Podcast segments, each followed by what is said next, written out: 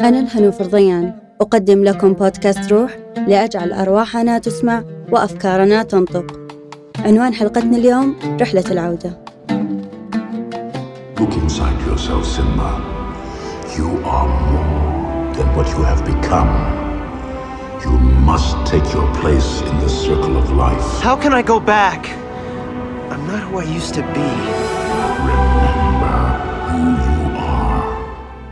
Remember who you are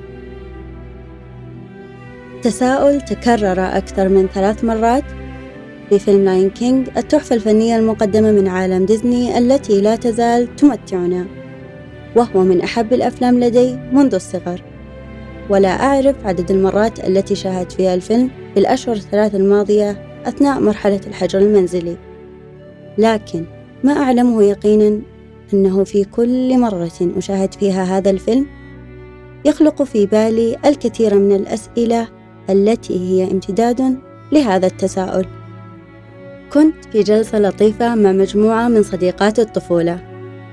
نسترجع الذكريات الجميلة معا ونتذكر شخصية كل فرد من أفراد الشلة.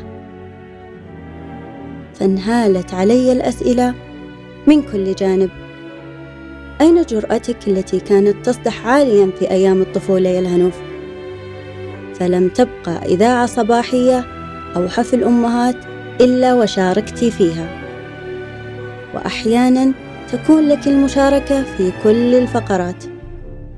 شعرت بعدها أن معظمنا في فترة الطفولة يكون أكثر جرأة وحيوية وينسى ذلك مع مرور الزمن ويبدأ باسترجاعها مع استعادة شريط الحياة. فكم من مرة رجعنا لإبداعنا بعد أن عدنا بالذاكرة إلى الوراء. ورأينا مدى حماسنا وقوة شغفنا. وكم من مرة أدركنا عدد الأحباب في حياتنا بعد أن تصفحنا الصور القديمة أو بطاقات الهدايا التي ملأت الصناديق لنستعيد كل لحظة جميلة عشناها معهم. احتفال أول عيد ميلاد لك هدايا تخرجك ورسائل الأصدقاء المفاجئة. وكم من مرة أضعنا الطريق وتاهت بنا السبل حتى وجدنا ضالتنا وأدركنا حينها أنفسنا. ففي ماراثون الحياة قد نشعر بالفشل أو التقصير أو أننا أحيانا بلا فائدة أو معنى. ولكن عندما تشاهد ملفات الإنجازات وشهادات الشكر والتطوع أو المسابقات التي فزت بها أو حتى عدد الأشخاص الذين كان لك تأثيرا إيجابيا في حياتهم. فتستعيد بعدها طاقتك لتكمل إنجازاتك ولا تستسلم وتعلم جيدا أنك ذو قيمة في هذا العالم.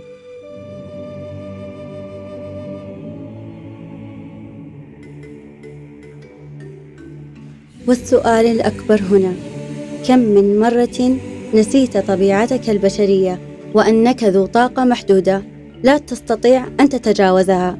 ففي النهاية أنت من أبناء آدم خلقت من طين.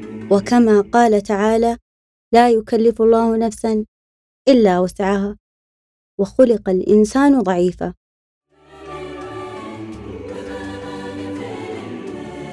ففي كل هذه المرات وأكثر لا نصل إلى طريق الخلاص إلا عندما نتذكر جيدا من نحن؟ فدائما تذكر من أنت. Remember who you are. حتى إن لم تجد في ماضيك ما يحفزك اسمع حاضرك الذي سيكون محفزا لك في المستقبل. ختاما أنا وجدت روحي في العودة للوراء رغم رهاب البشر من العودة إليه. ولأن بودكاست روح يهتم بأرواحكم أيضا كانت هذه الحلقة.